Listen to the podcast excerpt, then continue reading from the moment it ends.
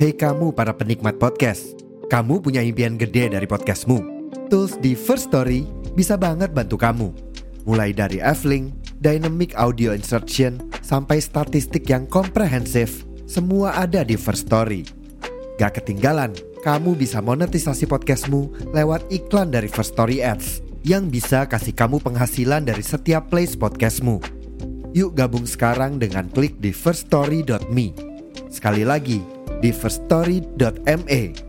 Mari kita bawa mimpi podcastingmu menjadi kenyataan.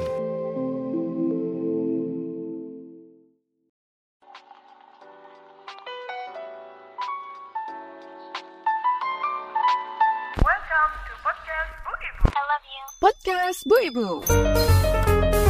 Podcast Bu Ibu. Hai, halo, assalamualaikum. Welcome to podcast Bu Ibu.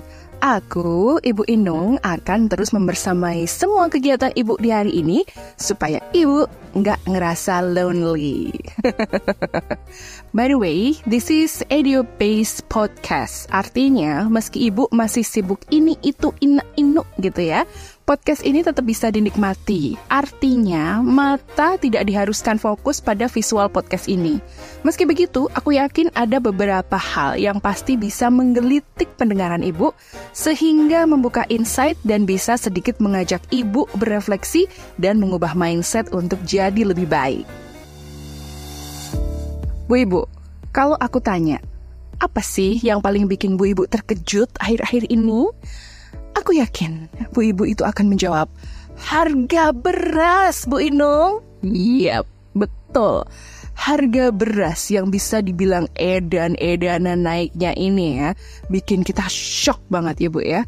Biasa paling mahal tuh di kisaran 15.000, 15.500 gitu.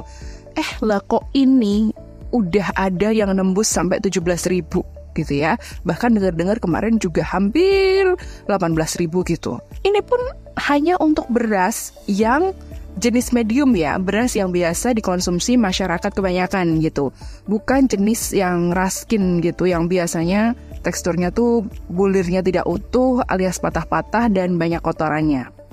Itu pun ternyata juga ikut naik harganya loh, jadi di kisaran 13 sampai 14 ribu. Sedangkan kalau jenis premium ya udah pasti lebih tinggi ya dari yang biasanya 16 sekarang bisa naik jadi 18 ribu, 20 ribuan gitu. Kalau pengalamanku sendiri sih udah dari sekitar sebulanan yang lalu aku beli beras tuh di warung dekat rumahku sendiri itu udah dibanderol dengan harga 15 ribu per kilo. Eh lah kok beberapa hari lalu aku beli lagi itu sudah naik jadi 16.500 per kilo. Sementara di beberapa tempat lain, ya masih di seputaran kota domisili aku tinggal ya, itu ada yang sudah menjual sampai 17.000 per kilo. Itu pun seperti yang aku bilang tadi, untuk beras yang secara umum dikonsumsi, bukan yang putih bersih dengan bulir yang utuh-utuh cantik gitu, enggak gitu ya, yang biasa aja, yang biasa gitu. Dan beberapa bu ibu yang aku tanya juga nih ya, yang biasa beli beras kemasan 5 kg di minimarket atau di supermarket gitu, itu aja yang biasanya bisa dapat 60, 65 ribu, 70 atau 75 ribu, sekarang harus merogoh kocek lebih dalam lagi. Ya, mungkin bisa hampir 85 ribuan lah untuk beras kemasan 5 kg gitu. Bu Ibu sempat terpikir nggak sih? Ini wajar nggak sih kenaikan harga beras ini? Kira-kira apa sih yang memicu sampai bisa naik di waktu yang sangat singkat ini? Kenapa aku bilang singkat? Karena kalau diingat-ingat, kenaikan ini tuh mulai terjadi uh, di sekitar awal tahun 2024 gitu, di mana suhu politik di negara kita itu lagi panas-panasnya. Ya, kan waktu itu jelang pemilu serentak ya, pemilihan anggota DPR dan pemilihan presiden. Dan harga-harga ini, harga beras ini terutama, itu tuh makin merangkak naik saat mendekati hari H pemilu. Dan sampai hari ini masih menanjak naik juga harganya. Tapi, apakah benar ini ada hubungannya dengan dinamika politik di negara kita? Hmm, bisa jadi. Karena diduga ada kaitannya dengan kebijakan yang diambil di saat-saat atau di bulan-bulan pemilu gitu terkait dengan bansos. Karena dengar-dengar nih pemerintah tuh ya menggunakan stok beras bulog untuk politik bantuan sosial alias bansos sampai kurang lebih 1,3 juta ton. Waduh, waduh, waduh, waduh, waduh, waduh. Waduh. wait, wait, jangan suudon dulu ya, Bu ya. Aku aku sedang tidak uh, ngompor-ngomporin. Enggak, ini hanya dugaan saja. Jadi memang ada dugaan uh, policy yang akhirnya membuat uh, harga beras itu naik gitu. Tapi ada juga kok yang mengelak bahwa beras naik itu bukan karena kebijakan yang dibuat pemerintah gitu. Beberapa alasan yang diberikan kenapa kok harga beras naik itu adalah karena pengaruh dari musim dan cuaca di sebagian besar wilayah Indonesia yang bisa dibilang akhir-akhir ini tuh sangat wow wadidaw gitu ya. Sangat ekstrim dan berubah-ubah beberapa bulan belakangan ini gitu. Jadi yang seharusnya musim penghujan, eh malah kayak berasa matahari itu cuma sejengkal gitu ya dari ubun-ubun kita. Dan yang seharusnya udah masuk musim panas, kemarau, kering, apa pun itulah namanya, karena kalau disebut summer itu juga nggak pantas ya di Indonesia. eh, kok malah jadinya hujan sehari-hari gitu. Ya kan, jadi kayak kebolak-balik gitu loh. Terus udah gitu, perbedaan suhu udara dalam sehari yang bisa sangat tiba-tiba plot twist itu sering terjadi. Jadi kalau siang tuh bikin orang-orang tuh nyetatus the hot is not public gitu ya. Alias panasnya orang umum gitu. Tapi giliran sore malam-malam layaknya sor sedang pegang palu Mjolnir gitu lagi murka jeder luduk menggelegar, petir menyambar, dan seketika hujan deras nggak berhenti-berhenti. Nah, makanya karena cuaca dan suhu udara yang kayak gini itu bisa berpengaruh sama produksi padi di sawah gitu. Nah, kalau hujannya deras mulu nggak berhenti-berhenti, kan jadi kemungkinan ada banjir. Dan sawahnya tergenang kalau banjir kan. Which is, itu nggak bagus juga kalau tanah tanamannya kebanyakan air. Malah jadi makin lama nih nunggu panennya gitu. Tapi begitu juga sebaliknya. Kemarau yang berkepanjangan itu malah bikin tanah kering. Dan sawahnya tentunya jadi kurang pengairan gitu ya. Ini juga bikin lama nunggu panennya. Nah, kalau siklus panennya aja terganggu, tentu saja nanti pasokan gabah dan pasokan beras itu juga akan terganggu gitu di gudangnya ya di gudang di tempat penggilingan beras di penyelipan beras gitu nanti nggak ada aktivitas dan akhirnya nggak ada pasokan gitu dan kalau pasokan nggak ada tentunya bikin distribusi ke tempat-tempat lain itu terganggu gitu padahal kebutuhan beras dari masyarakat itu nggak berubah volumenya tetap segitu gitu nah kalau terjadi hal seperti ini, biasanya kalau demand-nya gede, tapi stoknya berkurang atau stoknya nggak ada, itu harganya akan naik. Ya, prinsip ekonomi kan kadang seperti itu ya, terjadi juga gitu in real life gitu. Dan masuk akal juga sih. Masuk akal juga ya. Biasanya memang kalau demand-nya besar tapi stoknya kurang atau nggak ada, itu akan mempengaruhi harganya. Harganya akan naik. Tapi apa iya suhu dan cuaca itu akan terus dikambing hitamkan sebagai alasan harga beras naik? Apa iya? Soal suhu dan cuaca, menurutku itu udah hak prerogatif Tuhan yang Maha Kuasa ya Bu ya. Kita nggak bisa ngatur-ngatur kapan harus panas, kapan harus dingin, seperti kita ngatur suhu AC atau oven. Nggak bisa. Terus kalau gitu apa yang bisa kita lakukan Bu Eno? Nunggu bantuan beras datang dari pemerintah? Um, nggak harus sih. Nggak harus juga seperti itu. Kalau memang ibu masih bisa mengusahakan untuk beli, ya beli aja. Please deh, jangan selalu mengandalkan bantuan-bantuan sosial alias bansos-bansos gitu. Apalagi kalau ibu adalah orang yang secara kasta nih ya, dan secara kemampuan finansial itu sudah sangat jauh dari angka kemiskinan. Ibu kalau udah ngerasa mampu, ya nggak usah ikut-ikutan minta bansos. Masih banyak loh bu warga kita yang berada di bawah garis kemiskinan, yang kadang buat makan tiap hari aja mereka bingung nyarinya gimana. Bu ibu yang masih dapat gaji dari suami, atau memang ibu punya penghasilan sendiri dari profesi ibu atau dari kantor perusahaan ibu bekerja atau mungkin dari bisnis ibu usulku sih mending ya lebih baik ditata ulang cash flow manajemennya. Aliran uang masuk dan keluar tiap bulan itu lebih baik dikelola ulang gitu.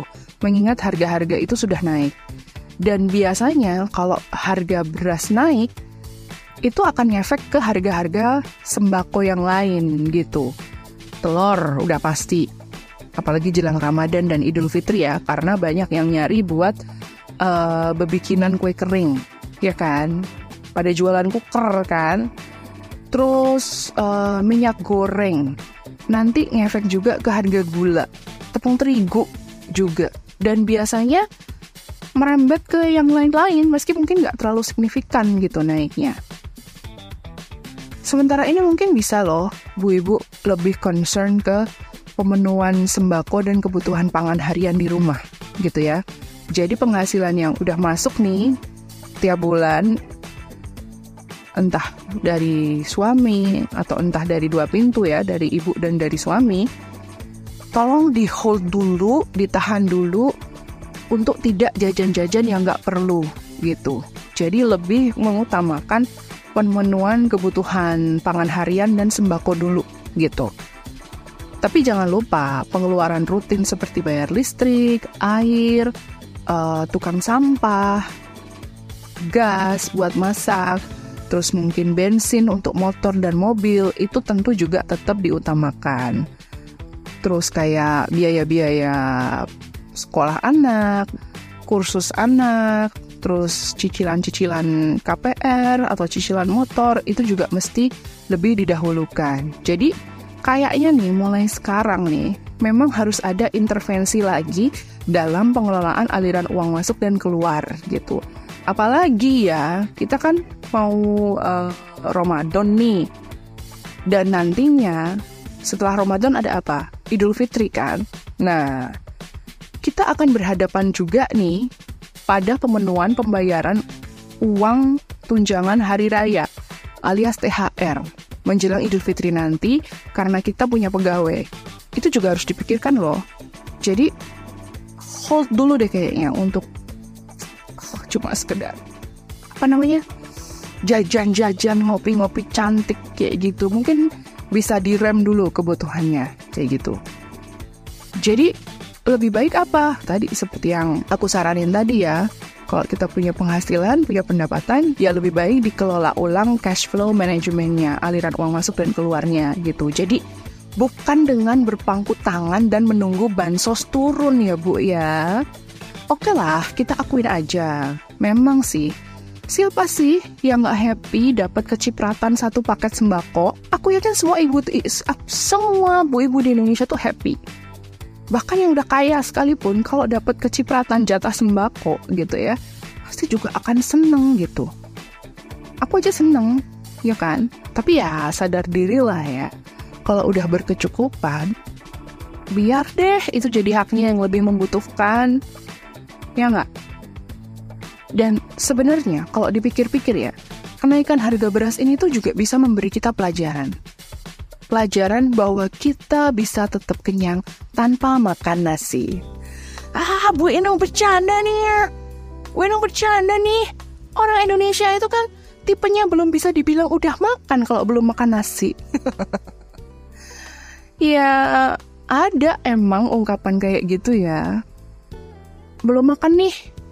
Padahal udah makan mie goreng, udah makan bakwan, udah makan arem-arem, itu masih belum dibilang makan karena belum makan nasi katanya. Tapi staple food, terutama karbohidrat itu tuh sebenarnya nggak cuma dari nasi ya Bu ya. Dan sebenarnya dari kenaikan harga beras ini, kita bisa belajar loh untuk nggak menggantungkan karbo kita hanya dari nasi saja. Ya, hitung-hitung kita bisa sekalian diet ya Bu ya. Eh, jangan salah Bu, diet itu tetap makan ya, tapi lebih concern dengan apa yang kita makan gitu loh. Nah, dengan kenaikan beras ini, paling tidak kita bisa deh mengerem dulu pembelian beras yang mungkin biasanya berlimpah-limpah gitu ya. Dan mungkin dengan mengurangi pembelian beras, kita bisa lebih saving money gitu untuk kebutuhan pangan lainnya. Dan kita mungkin bisa juga uh, mencoba beralih ke uh, alternatif karbohidrat lain, ya seperti misalnya makan karbohidrat kompleks kayak umbi-umbian gitu, ubi manis, ubi ungu, uh, singkong, kentang, tales, umbi garut, kayak gitu-gitu. Atau bisa juga mengganti karbonasi itu, karbohidrat nasi itu, dengan beralih ke jagung. Nah, ini kan jadi lebih sehat juga ya, karena dari segi kandungan glukosa sendiri, di dalam umbi-umbian itu nggak setinggi nasi putih gitu. Jadi ya hitung-hitung kita bisa melakukan defisit kalori bu ibu ya apalagi ibu-ibu yang mungkin sudah mulai aduh badan gue nggak enak ini terlalu berlebihan beratnya gitu kan. Nah mungkin juga kalau wah aku belum bisa ninggalin nasi kayaknya kok nggak kenyang banget ya nggak makan pakai nasi. Gantinya apa ya? Mungkin kita bisa beralih ke produk turunan tepung misal kayak roti pasta atau mie gitu. Tapi tentunya ini uh, mengandung gluten ya, nggak gluten free kayak gitu. Tapi ya, at least ini jadi alternatif sumber karbohidrat kita, nggak melulu nasi gitu. Dan aku yakin sih dengan komposisi menu yang tepat, kita akan bisa kok sama kenyangnya meskipun nggak makan nasi gitu. Dikombin aja dengan protein dan sayur-sayuran yang tepat. Dan kalau dipikir-pikir lagi dengan naiknya harga beras, kita bisa memutuskan untuk mengurangi porsi pembelian beras per bulan, jadinya bisa saving money untuk lebih meningkatkan porsi protein hewani dan buah-buahan gitu. Dan menurutku ini justru penting loh ada dalam menu keluarga. Apalagi kalau masih punya anak-anak di usia emas atau anak-anak yang masih dalam masa pertumbuhan gitu. Uh, protein hewani dan buah-buahan itu justru sangat bisa membantu pertumbuhan dan perkembangan mereka. Kayak gitu. Aku sendiri bu ibu bukan termasuk orang yang diet freak atau diet die hard fans gitu. Enggak gitu ya. Buktinya aku sendiri termasuk dalam kategori plus size. Tapi aku melihat ada satu hal yang bisa kita switch dalam menghadapi kenaikan beras ini. Ya salah satunya dengan beralih ke karbohidrat kompleks yang banyak diberikan bumi kepada kita gitu ya. Dan nggak cuman itu kita juga bisa lebih banyak makan buah-buahan sepertinya. Karena biasanya orang kan cuma makan buah-buahan itu sebagai dessert ya, sebagai penutup mulut gitu, sebagai penyegar mulut setelah makan nasi kayak gitu ya, setelah makan besar. Nah, gimana kalau sekarang justru dibanyakin buah-buahannya aja gitu karena sebenarnya buah-buahan itu juga punya kandungan fruktosa ya yang fungsinya kurang lebih sama dengan nasi, bikin kenyang dan memberi kalori untuk motor tenaga kita kayak gitu loh. Jadi, kupikir ini hanya soal persepsi aja sih. And gimana kita bisa menghandle kenaikan beras ini gitu. Bahkan kalau Bu Ibu berkunjung ke kota saya di Purwokerto, makan mendoan tiga biji aja itu pun kadang udah bisa bikin kenyang loh Bu, meskipun tanpa nasi. Karena kombinasi tempe, tepung, dan minyak itu adalah salah satu kenikmatan hakiki yang bisa membuat kita tetap hidup kenyang. Apalagi ditambah dengan jahe susu anget gitu ya dinikmati sambil lesehan dengan orang-orang tercinta. Wah, udah kenyang deh hidup yang kita punya. Oke Bu, jangan lupa like and comment di podcast ini. Terus follow juga akun Instagramnya di @podcastbuibu. Oke, aku Ibu Inung. Selamat beraktivitas.